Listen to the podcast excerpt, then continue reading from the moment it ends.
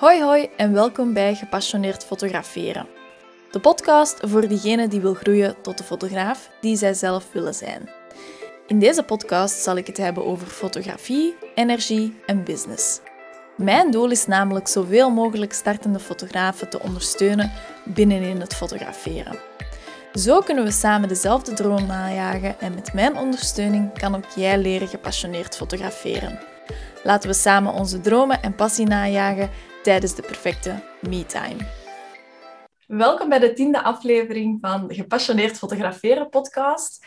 En naar aanleiding van een toekomstige online masterclass prijszetting voor fotografen, die dat ik in uh, eind september zal organiseren, heb ik hier Robin van uh, Strever uitgenodigd. Hallo Robin. Hey, dag Tessie. Leuk dat ik hier mag zijn. Ja, heel fijn dat je gewoon uh, even wilt komen praten over prijszetting. Um, ik ken u natuurlijk van een traject dat ik bij u zelf gevolgd heb. Um, vond ik mega interessant. Daar is heel veel van blijven hangen en daarom dat ik dacht, ik nodig u eens even uit. Oké, okay, super. Kei leuk om te horen. Om te komen praten. Hè. Um, ik vroeg mij altijd al wel eens af waar, van waar dat eigenlijk je passie komt over prijszetting. Ja, want je ziet dat ook wel op Instagram, dat je daar super gepassioneerd en vol over bent. En allee, ik vind u mega fijn ook om te volgen. Maar ja, van waar komt dat eigenlijk?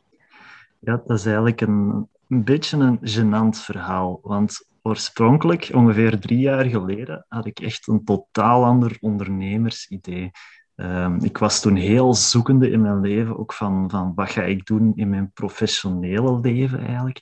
En ik, ik kwam uit bij ondernemen. Ik wil wel iets in de markt gaan zetten. En toen zei ik van ja, marketing, dat ligt mij wel. En ik wou eigenlijk marketingdiensten gaan aanbieden aan andere startende ondernemers. Maar op een bepaald moment ging ik dat idee pitchen bij een jury van experts.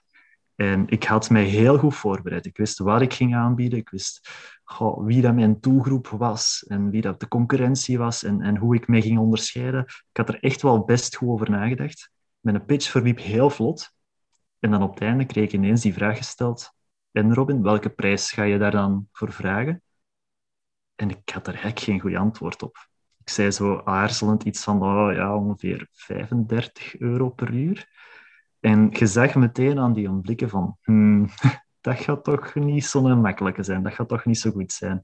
En ja, dat was eigenlijk een, een, een afgang dat ik daar heb gemaakt om, om wat kort door de bocht te zijn. En vanaf toen heb ik bepaald van, ja, ik ga me hierin verdiepen. Want als ik dat moeilijk vind, gaan andere mensen dat ook moeilijk vinden. En eigenlijk zo, heel stapsgewijs, is dat ja, verder, verder en verder uitgebouwd. Ik ben begonnen met wat wat workshops te geven over prijszetting, maar nu is dat dus meer ja, kleine bedrijfjes daarmee mee gaan begeleiden. Dus die passie is echt wat gekomen vanuit een muur waar je keihard tegenaan zegt lopen. Amai, heerlijk. Ah, dat wist ik niet. Super tof eigenlijk. Um, ja, ik merk dat eigenlijk wel, dat jij zowel wat gedreven zei over marketing ook. Hè? Want daar verschot ik van dat dat ook al deels in je traject zit. Ja, dat, is, dat, is de, dat is mijn achtergrond enerzijds. Ik heb, uh, ik heb een tijdje gewerkt op een boekhoudafdeling, dus die financiële achtergrond heb ik zeker meegekregen van het, vanuit het boekhouden. Maar ik heb ook echt wel een job gedaan als, als marketingmedewerker bij, bij een sportcentra. En dat ligt mij heel erg. Ik vind dat heel leuk om te doen, om ja, mensen warm te krijgen voor het aanbod eigenlijk. Dat is eigenlijk wat marketing in essentie doet. En ja, ik neem dat automatisch mee in een hele prijsstrategie, want dat hangt ook allemaal heel nauw samen. Prijszetting, dat zit overal een beetje tussen. Dat is geen marketing, dat is geen verkoop, dat is geen boekhouden, maar het heeft met al die zaken wel een beetje te maken. Dus je, je, kunt, dat, je kunt die andere dingen niet zomaar negeren. Ja, dat klopt wel. En dat besef is er denk ik bij heel veel ondernemers niet. Hè? Want hoe dat ik zelf ook begonnen ben, is zo gaan kijken naar anderen, welke prijsvragen zij. En dan zo... Vaak wordt er dan een gemiddelde van genomen. Oké, en dat wordt mijn prijs. Maar eigenlijk ja, komt dat van nergens, hè? Ja, oorspronkelijk hè, waren er zo drie prijsmethodes die in een of andere marketingbijbel in stonden uitgewerkt. En waar dat, dat ene van was, een concurrentiemethode. Dus dan ga je kijken naar welke prijzen vragen mijn concurrenten zoal. En dan ga je tegenover hen jezelf positioneren. Maar wat dat we merken van zo die prijsmethodes, die zijn zo vaak heel theoretisch. En wanneer je dat echt wilt gaan toepassen op uw case, dan, dan lukt dat niet goed. Dan, dan voelt dat niet juist aan. Want dan heb je inderdaad gekeken naar concurrenten en bepaalt je uw prijs. Maar dan merkt al heel snel van ja, op wat heb ik mijn vergelijking juist gebaseerd? En heb ik daar wel goed geredeneerd? Want ik vind nu dat ik voor deze klant precies toch wat te weinig vraag, voor die andere klant precies toch wat te veel. Dat, dat, dat klopt niet altijd helemaal. Dus dan, ja, om, om wat samen te vatten, we moeten eigenlijk naar een, naar een andere benadering op het gebied van prijszetting gaan. Want die theoretische modellen van vroeger, ja, dat, dat is niet zo evident om als kleine ondernemer zomaar te gaan, te gaan hanteren. Ja. ja, ik kan het me wel voorstellen, klopt. Ja. En zeg, als je dan zo um, ja, in je bedrijf kleine ondernemingen verder helpt, wie zijn dat dan zoal? En want ik weet dat jij voor, voor mij had jij nog wel fotografen verder geholpen, want dat zag je dan op Instagram. Mm maar kan dat heel divers zijn? Of? Ja, dus de, mijn typische klanten zijn echt wel kleine bedrijfjes. En dat gaat van startende ondernemingen tot en met de kleinere KMO's met een paar werknemers in dienst. Maar mijn typische klanten zijn heel veel zo de, de freelance profielen de fotografen komen daar heel, heel talrijk naar voren, uh, maar evenzeer copywriters, grafisch vormgevers, webdesigners. Maar dat kan ook gaan over wat meer ja, producten, die, die hebben, heb ik evenzeer. Dus het is, het is een heel divers publiek, maar de rode draad is vooral, het zijn kleine bedrijfjes die heel zoekende zijn naar hoe dat ze dat strategisch goed kunnen aanpakken. En ik merk inderdaad wel dat fotografen daar uh, toch wel met wat vragen zitten daar rond. Ja, eh, fotografen en ik denk de creatieve sector in het algemeen. Hè, want mijn letteren en tetteren, uh, mijn handletterbedrijf, daar hebben wij ook wel heel wat moeite gehad met uh, het, ja, het zoeken van uw prijzen, zo gezegd. Mhm. maar hoe, hoe zou dat, weet jij hoe dat, dat komt? Ja, het is echt zo dat creatieve, hè, dat het moeilijk mhm. maakt. Ja, ik denk dat heel veel van, van de creatievelingen onder ons, dat die vooral starten vanuit een passie, vanuit iets dat ze heel graag doen, vanuit een hobby. En die hobby dan lichtjes beginnen te vermarkten. Zo is een eerste keer daar wat geld voor vragen of zo. Maar omdat ze dat zo graag doen, willen ze daar ook niet veel geld voor vragen. Want dat voelt dan al bijna aan als iemand bedriegen, als iemand bepotten. Maar dat is totaal niet zo. Het ding met creatievelingen is heel vaak, die passie is zodanig aanwezig dat het, het commerciële gedeelte als een beetje ja, vies aanvoelt. Dat daar geld voor vragen, dat daar wat weerstand op komt. En ik snap dat ook wel. Maar als je echt mensen met jouw ehm, ja, creativiteit kan helpen, ja, is daar dan geen bedrag waard? Heb je dan niet recht op een bepaalde compensatie? En ik denk dat het voornamelijk al daarvan komt. En stel dat dan een creatieveling toch zegt van oké, ik wil hier echt geld voor beginnen vragen. En misschien zelfs een bijberoep starten, misschien zelfs richting hoofdberoep willen gaan. Vaak wordt er dan ook nog eens onderschat wat dat er echt nodig is om dat te kunnen. En dan heb ik het niet over, uh, je gaat moeite hebben met klanten te vinden of zo. Nee, dan gaat het eerder over wat je nodig hebt op het gebied van prijszetting. Want we zien, ik zie nog bijna dagelijks in Facebookgroepen en zo terugkomen. Uh, wil jij een logo uh, voor 25 euro? Contacteer mij. Zo, dat soort dingen. Ja, ja, daar ga je het heel, heel moeilijk krijgen om als creatieveling daar effectief wat mee rond te komen. Dus wat heb je nodig om ermee rond te komen? Ja, dat is toch iets dat ik creatievelingen echt wel probeer bij te brengen. Ja, dat is wel zo. En ik merk zo ja, dat je als creatieveling ook niet stilstaat vaak bij het aantal uren dat er inkruipt. Ja, want um, vroeger deden wij met Letter ook uh, kaartjes maken op maat bijvoorbeeld. Uh, oh ja, ik maak er wel een A6-kaart. Uh, eh, we vroegen daar dan 7,5 euro voor. Maar eigenlijk ben je een ontwerp aan het maken op maat. Mhm. Je plaatst dat ontwerp dan in het echt op je kaart. je mhm. steekt er zoveel tijd in. Uiteindelijk zijn er dan twee, drie uur aan het werken voor 7,5 euro. Daar zijn we mhm. gewoon van moeten afstappen, omdat dat gewoon mhm. ook niet ging. Ja, je moet ehm. het een beetje bekijken als eigenlijk heb je een klein kunstwerkje gemaakt ja. dat je voor een, een heel lage prijs verkoopt. Ja, klopt. Ja. ja, dat is wel. Dat is heel moeilijk. Ik zie nu ook bij fotografen heel vaak zo 50 eh, euro vragen voor een shoot van een uur. En dan mhm. denk ik, ai, dat is toch wel echt te weinig, hè? Ehm, ja, en ik snap dat wel dat je dan als starter een beetje onzeker bent over het vragen van je prijs. Maar ja, als je een shoot wilt doen als particulier en je hebt er geen 100 euro voor over, bij wijze van spreken, dan is, ja, dan is dat toch wel... Dan scheelt er iets, denk ik. Mhm, ja. Mhm. ja, het is, het is enerzijds de verantwoordelijkheid van de fotograaf om eens een keer in kaart te brengen wat, wat hebben ze effectief nodig of wat is uw dienst waard. Maar langs de andere kant, je mag er ook niet van uitgaan dat die particuliere klant of die, die een business klant, maakt eigenlijk zelfs niet uit, dat die inziet waarom dat uw shoot zo waardevol is. Ik, ik, ga, ik ga er altijd van uit dat de klant de meerwaarde niet inziet en dat ik enorm hard mijn best moet gaan doen om die meerwaarde te laten inzien. En dan heb ik het niet over prijs gaan verantwoorden, maar eerder over kan ik die klant meegeven welke voordelen dat hij er daar gaat uithalen of welke ervaring dat ik ga bezorgen, welke resultaten dat ik ga bezorgen. Wat, die, die foto's dat, dat je aan die particuliere klant bezorgt, die gaan daar nog jaren naar kunnen terugkijken, naar mooie herinneringen van een bepaald moment. En dat is wat dat je moet, moet gaan aanhalen. Mhm. Ja, klopt. Ja. ja. En ik was gisteren heel toevallig met twee vriendinnen ook aan het babbelen. Ehm, en uh, we hadden allemaal al wel eens een shoot achter de rug natuurlijk. Uh, ik is sinds kort ook, allee, een aantal weken geleden, met mijn stagiair. En ze waren een beetje aan het, aan het stoffen over die foto's, dat die zo mooi waren. Ik zei ook toen van, ja, maar je krijgt zoveel zelfvertrouwen van zo'n shoot te doen, van, u, van die foto's te gaan herbekijken. En mijn vriend kan daar dan wel mee lachen. Die ziet mij dan af en toe die foto's opnieuw bekijken. En die, die zegt dan, zeg, uh, zeg jij een beetje narcistisch of zo? Hè? Dat is dan op te lachen natuurlijk. Maar je krijgt er zo'n boost van. Hè? Dat geeft zoveel zelfvertrouwen.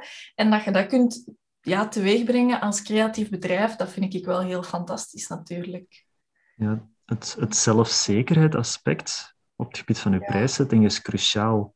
Enerzijds om uw aanbod goed te kunnen overbrengen en uw prijs te durven vragen. Maar anderzijds ook van ja, je, je moet daarvoor durven staan. Hè? Mhm. en, en dat komt doorheen een tijd. Ja, je, je gaat dat moeten opbouwen. Niemand is daarmee mee geboren per se. Hè? Mm Maar dat, dan denk ik van ja, je moet daar voldoende bij stilstaan. Dus als jij die foto's herbekijkt en je krijgt er een goed gevoel van, van ik vind dat mooi werk en dit heb ik kunnen maken voor die mensen en die mensen waren super tevreden mee, dat zijn de momenten waar je bij moet stilstaan. Want dan ga je echt wel beseffen van kijk, ik ben dat wel waard om daar echt wel goed wat geld voor te gaan vragen ook. Ja, klopt. Ja. ja, en zo zijn er denk ik nog wel meer dingen hè, dat wij vergeten als creatieve bedrijven of fotografen. Um, merk je dat zelf ook? Of? Ja, heel vaak zien we bij, bij creatievelingen, maar zelfs bij ondernemers in het algemeen, er zijn zo verschillende aspecten die een invloed hebben op een prijs, maar totaal niet al die aspecten zijn e-, even goed gekend. En dan heb ik het al ten eerste over de kosten. Ja. Je moet jouw, jouw kosten van jouw bedrijf eigenlijk al heel goed kennen. Want jouw kosten gaan letterlijk zeggen wat je minstens nodig hebt. Mhm.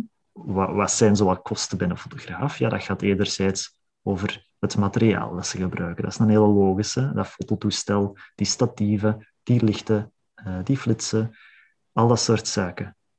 Maar er zijn nog andere kosten in je bedrijf en ben je die ook wel in rekening aan het nemen. Dan heb ik het bijvoorbeeld over, het kan zijn dat je een boekhouder hebt. Misschien dat je verzekeringen hebt, misschien dat je een internetabonnement of een gsm-abonnement op de zaak hebt staan. Wilt jij daar effectief een beetje loon kunnen uithalen uit je bijberoep of hoofdberoep? dat zijn kosten die dat ook te maken hebben met je bedrijf. Alleen is dat niet zo ja, niet zo duidelijk als uw fototoestel zelf. Maar dat zijn ook kosten dat we niet mogen vergeten. En we zien gewoon dat die, dat die vaak niet, ja, niet in rekening gebracht worden. Mhm. Ja. ja, ik doe zo ook wel um, vaker prijsbepalingen bij andere fotografen, omdat dat natuurlijk ook in mijn coachingstraject zit. Uh, in het kort dan, dat is niet zo uitgebreid natuurlijk niet als dat jij dat doet. Ehm, en ik merk dan heel vaak dat zo de kleine dingen ook vergeten worden. Hè. Je, koopt heel wat batterijen aan, SD-kaartjes. Een goede SD-kaart ehm, van mij bijvoorbeeld kost al 109 euro per stuk. Mhm. Eh, ja, ik vind dat belangrijk dat ik die heb, want ik wil mijn foto's ter plekke kunnen backuppen of laten backuppen door mijn camera. Uh, zodanig dat als je een huwelijk aan het fotograferen bent, er loopt iets technisch mis, dat moet allemaal in orde zijn. Dat, moet, allee, die, die mensen die kunnen, dat kan natuurlijk niet dat die hun foto's kwijt zijn. Hè? Um, en ja, zo worden er echt wel heel veel dingen vergeten. Mm en wanneer dat ze dan hun prijs per uur gaan bepalen, ligt die natuurlijk veel lager, omdat je natuurlijk wel heel veel uren wil steken in je bijberoep of hoofdberoep. Maar als je kosten dan heel laag zijn, dan is je prijs per uur ook heel laag. Mhm. En dat klopt niet. Hè? Dat moet altijd wel overeenkomen. Je moet dat evenwicht vinden tussen mm de presteren uren en je prijs per uur natuurlijk. Hè? Mhm. Dat is mhm. wel... Ja, en ik zou zelfs nog een stap verder gaan en denk ook al eens na over welke kosten er nog zitten aan te komen. Ja. Als je van plan bent om in het najaar een nieuw, een nieuw toestel aan te kopen, ja, dat zijn, dat zijn de grote kosten toch wel van, van een fotograaf. Uh, maar zijn er nog investeringen dat je gaat doen? Heb je een nieuwe computer nodig? Uh, moet je een, een nieuw abonnement van een Adobe gaan, gaan aanschaffen? Ik zeg maar iets. Ja, het kost allemaal heel veel geld. En als je weet dat dat er aankomt, moet je daar eigenlijk nu al op anticiperen. Mm Kun je dat ook gewoon nu al bij in je kosten zetten. Dus dat is, dat is zeker ook een hele belangrijke. En dat is ook wel zo hetgeen van Ehm, als je fotograaf in bijberoep wordt, dan komt dat, hè, zoals dat je daarnet al zei, uit een hobby, uit een passie. En dan kom, krijg ik ook wel vaak de opmerking van, ja, maar ik heb dat al. Ik hoef eigenlijk geen aankopen meer te doen. Ik ben eigenlijk een heel... Ik kan een hele goedkope fotograaf zijn, want zoveel toestellen heb ik niet meer nodig. Alles is al in orde. Maar mhm. natuurlijk ja, komt er wel iets meer bij kijken dan dat. Dat is wel zo. Ja, ik zou eigenlijk altijd zo wat aanraden van simuleer ook eens alsof je ervan moet leven. Hè? Alsof uh, je je laptop nog niet had en die staat wel op je bedrijf. Alsof dat je je internetabonnement moet betalen. Alsof dat je er misschien een beetje loon gaat uitkeren. Als je, als je die soort dingen ook al eens een keer simuleert bij in je kosten, ja, dan wordt die prijs per uur daar, waar je daarnet over sprak, al veel realistischer mhm. ook. Hè? Ja, klopt. Ja, inderdaad. Ja, en die prijs per uur, het is niet dat je als fotograaf uurtje factuurtje doet, maar je hebt wel een prijs per uur nodig voor verder te gaan, voor je pakketten te gaan bekijken, berekenen en zo verder. Hè. Dat is wel zo. Mhm. Want dat vergeten sommigen ook wel. Hè. Ehm, je bent niet alleen aan het shooten, maar je bent aan het selecteren, nabewerken, je hebt e-mailcontact, noem maar op. Hè. Ja, inderdaad. Het, het komt erop neer dat je, dat je echt alles in rekening moet gaan nemen. Ja. Um, alles, alle mogelijke werk dat je ook maar presteert voor een bepaalde klant, moet eigenlijk verrekend zitten in uw totale prijs dat je gaat vragen aan die klant. Want stel dat je 50 euro per uur vraagt, maar je rekent enkel één uur zoettijd en that's it. Ja, je hebt mogelijk wat mailverkeer gehad met die klant. Je hebt daar misschien al eens een kort gesprek mee gehad. Je mhm. bent naar daar gereden, naar de shootlocatie, zeg maar iets. Je gaat daar een uur shooten en je hebt daar dan nog eens x aantal uur nabewerking mee. En wie weet, uh, gaat je de foto's nog uh, in een album afleveren of zo? Uh, dat zal niet meer altijd van toepassing zijn, maar je moet alles in rekening nemen. Ja, ja. Ja, en met dat fotoalbum ook, hè, inderdaad. Je zei, je zei daar wel uren aan, in steek, aan, aan, in, aan het steken. Aan mij gewoon de zin. om, om dat album te maken natuurlijk. Hè. Daar, ligt, daar staat ook heel vaak bij, niet bij stil. Ja, klopt. Mm -hmm. Amai zich. En hoe gaat het dan te werk als je dan zo'n uh, prijsbepaling doet bij een fotograaf? Ja, ik zou eigenlijk altijd vertrekken van de kosten. Dus dat, dat hebben we daarnet al wat behandeld. Trek eigenlijk van uw kosten en herleid die naar één uur van uw tijd. Dat is eigenlijk een, kostprijs per uur, zoals ze dan zeggen. Um, dat is niet letterlijk het bedrag dat je aan je klant zou aanrekenen, maar wel als je al jouw kosten tot één uur herleidt, wat zou je dan minstens nodig hebben per uur? Daar zou ik al van vertrekken. Dan kunnen we eigenlijk gaan kijken, oké, wie zijn dan ook nog eens onze ideale klanten. Want we hebben het eigenlijk nog niet over doelgroep gehad. Mhm. Maar jouw doelgroep is ook een hele belangrijke ja, factor in heel jouw prijsberekening. Want je hebt inderdaad al particuliere klanten, je hebt businessklanten, maar zelfs daarin heb je nog serieus veel gradaties. En hoe goed ken jij jouw eigen doelgroep? En hoe goed kan jij inschatten uh, wat, wat voor een oplossing dat die juist zoeken? Oké, Mhm. Ze hebben allemaal foto's nodig, maar zijn dat eh, drie foto's voor op de website? Of is dat eh, echt iets dat ze in heel hun social media campagne gaan, gaan meenemen? Er zijn wat andere verwachtingen naar gelang je type klanten. En ik denk dat je voor jezelf wel eens goed moet uitmaken wat verwachten mijn ideale klanten nu net. Dan kun je daar ook op gaan inspelen om wat te gaan achterhalen van oké, wat willen zij daar dan in investeren? Mhm. En langs de andere kant, ja, hoe wil jij overkomen als, jou, als fotograaf? Want er zijn veel fotografen, dat is nu eenmaal zo. Ehm, maar de markt is divers. Dus er zijn heel veel verschillende soorten klanten ook. Maar hoe ga jij je positioneren op een manier dat jij jouw ideale klanten goed kan aantrekken? Wat moet jij daarvoor doen? Wil dat zeggen dat je een exclusievere fotograaf wordt? Of net niet?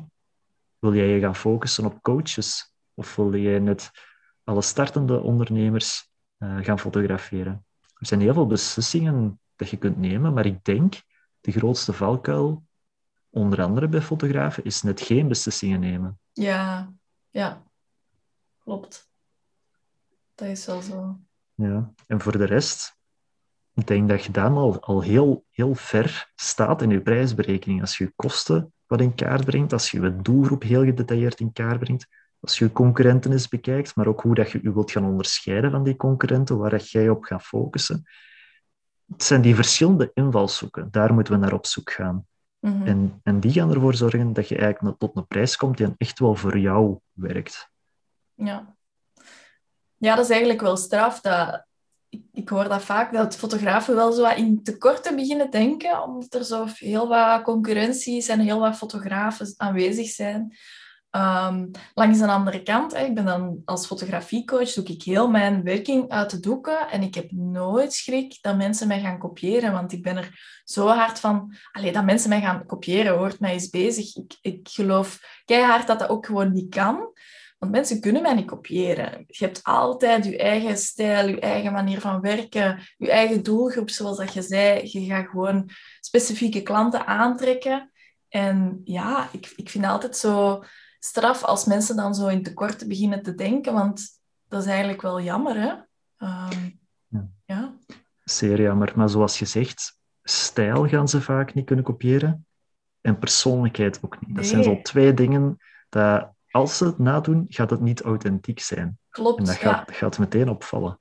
En persoonlijkheid is zo belangrijk als fotograaf, want eh, je moet de klik kunnen hebben, je moet die mensen gerust kunnen stellen. Dat kun je niet zomaar bij mensen waar dat je geen klik mee hebt. Dus je gaat sowieso mensen aantrekken die dat bij je passen en die dat niet zouden passen bij een andere fotograaf. Dat is wel zo. Ja, ja dat maakt de creatieve sector natuurlijk wel een beetje uitdagender. Hè? Ja. Ja, maar dat houdt het ook net, net leuk, hè? ja, dat is sowieso. Ja. Dus is het veel te gemakkelijk, Tessie. Ja. Uh, maar ik heb dus zelf uw traject gevolgd. Hè? Um, en weet je wat dat mij het meeste opviel en wat ik in het begin ook helemaal niet besefte? Um, dat was dat we dat ook wel heel vaak gaan evalueren nadien. Ja, want we hebben heel vaak na het traject, nadat alles afgerond was, zijn we nu al eens een paar keer samengekomen en ik verschoot daar echt van dat dat ook bij in dat traject zat. En ergens vraag ik, allee, ergens vind ik dat supergoed, want allee, ik vind die kous met u enerzijds gewoon mega fijn, hè? Um, dat, dat mag ik nu wel zeggen. Maar ik vind dat ook wel super interessant om dat nog eens terug te gaan bekijken en met iemand extern terug even een frisse blik op de zaken. Hè? Want je, je zit de hele tijd in je bedrijf, dus dat is soms moeilijk om, om te zien wat er allemaal gebeurt en wat er nog moet, moet gebeuren eigenlijk. Um, maar wat is eigenlijk de reden dat je dat wel zo consistent organiseert dan in de toekomst, die evaluatie? Ja, dus in essentie, in zo'n traject dat wij doorlopen, stellen wij een prijsstrategie op. Een prijsstrategie die is onderbouwd vanuit verschillende invalshoeken. Dus er zit heel veel doordachtheid in. Maar als we die strategie ja, gaan af, afleveren bij jou, ja, dan moet die ineens nog geïmplementeerd worden ook. Dan moet je wel ineens je prijzen gaan vragen. En die opvolging dient enerzijds zowel om te gaan zien dat die implementatie, dat dat goed verloopt. Om te gaan kijken, wat loopt er goed, wat loopt er nog ja, wat, wat moeilijker, want dan kunnen we daarop gaan inzoomen om eens te gaan kijken van, kunnen we dit op een bepaalde manier makkelijker voor u maken? Kunnen we, als je nog ergens wat weerstand op hebt, gaan we daar even op inzoomen om te gaan kijken van, hoe kunnen wij het nu voor u aangenamer maken? Maar daarlangs, stel dat je implementatie zelf niet zozeer je probleem is, daarlangs bent jij ook nog eens aan het groeien met je bedrijf. Mhm. Uh, hoe dat je het ook draait of keert, ook al heb je geen groeiambities, je bedrijf evolueert altijd. En als jij wel ondertussen grote stappen aan het zetten bent, ik zeg maar iets, uh, je begint in het traject in bijberoep, maar na het traject, twee, drie maanden later, wil je ineens naar hoofdberoep gaan. Ja, prijszettingsgewijs is dat heel interessant dat we dan nog eens herevalueren of alles nog wel klopt wat wij bepaald hebben. Om maar een voorbeeld te geven, stel dat je grote stappen zet met jouw zaak, stel dat je groei tegemoet gaat, je kosten gaan mogelijk ook meegroeien. Mm Dat is bijna onvermijdelijk. Stel puur bijberoep naar hoofdberoep, de loonkost alleen al, het gaat daar wellicht van naar boven gaan, want ineens gaat er wel voltijds aan moeten leven. En in ons traject gaan we daar al heel hard op anticiperen, maar het is gewoon ook heel nuttig dat we dat doorheen de tijd ook goed bewaken, dat dat nog allemaal klopt. Als het niet meer klopt, dan kan het zijn dat we hier en daar nog lichtjes bijsturen. Maar dat gaat nooit nog een hele prijswijziging zijn. Hè. Ehm, dat, gaat, dat gaan kleine fine-tunings zijn. Of ja, als je met creatievelingen zit, die hebben ineens nog een extra idee dat ze in de markt willen zetten. En welke ja. prijs moeten daar dan voor vragen? Dat kunnen we dan ook nog, die opvolging, even gaan bekijken. Ik herken dat zo hard. Laatste, hè? Ja, ja, ja sowieso. Ja, want uh, ik weet nog, die eerste meeting nadien, dan had ik al van alles liggen veranderen aan die tabel, weet je nog? Omdat, Mhm, ik, omdat ik, mhm. ja, inderdaad, mijn, mijn bedrijf groeit wel, maar verandert ook. Gewoon omdat de goesting vaak ook op andere plaatsen beginnen te liggen. Hoe zeg je dat? Ehm, de focus komt gewoon ja, ergens anders te liggen, omdat ik, omdat ik zelf andere goesting krijg.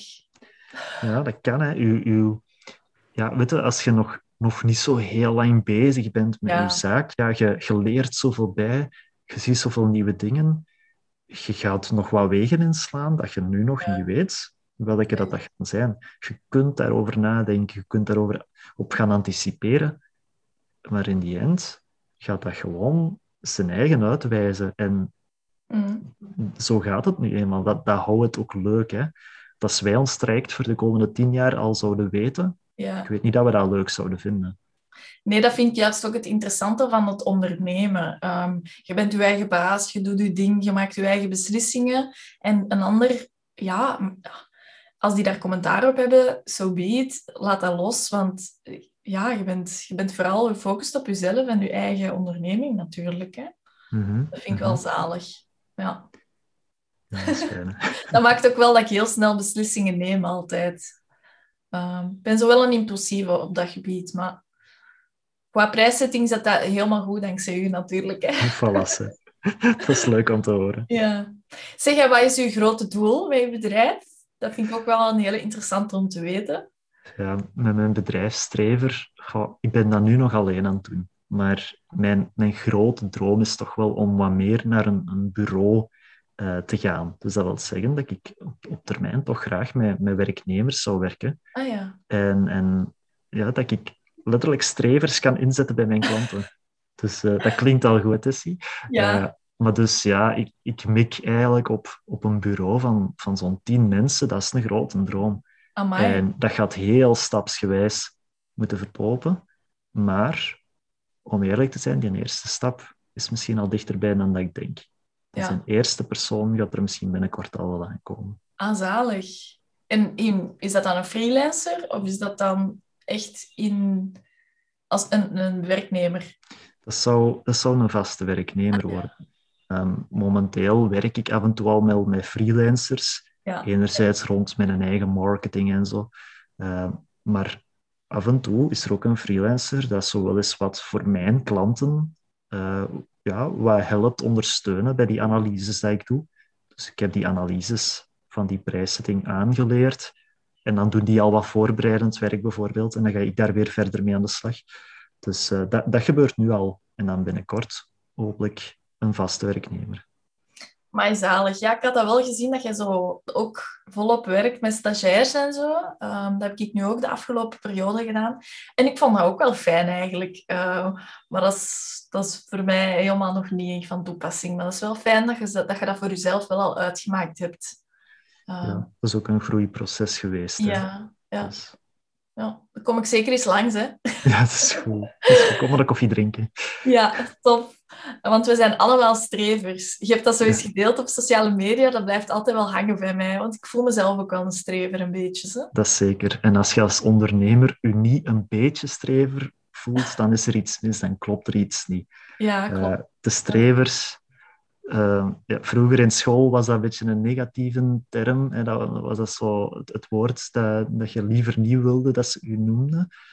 Maar eigenlijk nu, als je diezelfde mentaliteit doortrekt naar het ondernemerschap, is het bijna onmisbaar ja. om een goede, een goede zaak uit te bouwen als je niet die streversmentaliteit hebt. Dat, dat gaat bijna niet. Hè? Ja, dat klopt. Ja. We zijn allemaal strevers. Ja, allemaal. allemaal. Goed. Um, nee, ik vond het echt een super fijn gesprek. Um, maar waar kunnen wij u terugvinden? Op sociale media, op uw website en zo verder? Ja, mijn website is www.strever.be en uh, op Instagram kan je mij ook vooral heel actief terugvinden. En dat is de handle strever.be. Oh ja, dat is gemakkelijk. Dat is gemakkelijk, hè? Kijk goed. Goed, um, merci ook aan u uh, om te luisteren natuurlijk naar deze podcast. En uh, vanaf volgende week gaan de deuren ook open van mijn online masterclass uh, over prijszetting voor fotografen. Dat is een eenmalige. Dus um, als je dit interessant vond, dan gaan we dat ook sowieso interessant vinden. En dan gaan we binnenkort sowieso uw prijzen eens berekenen. Dus dan zie ik u dan.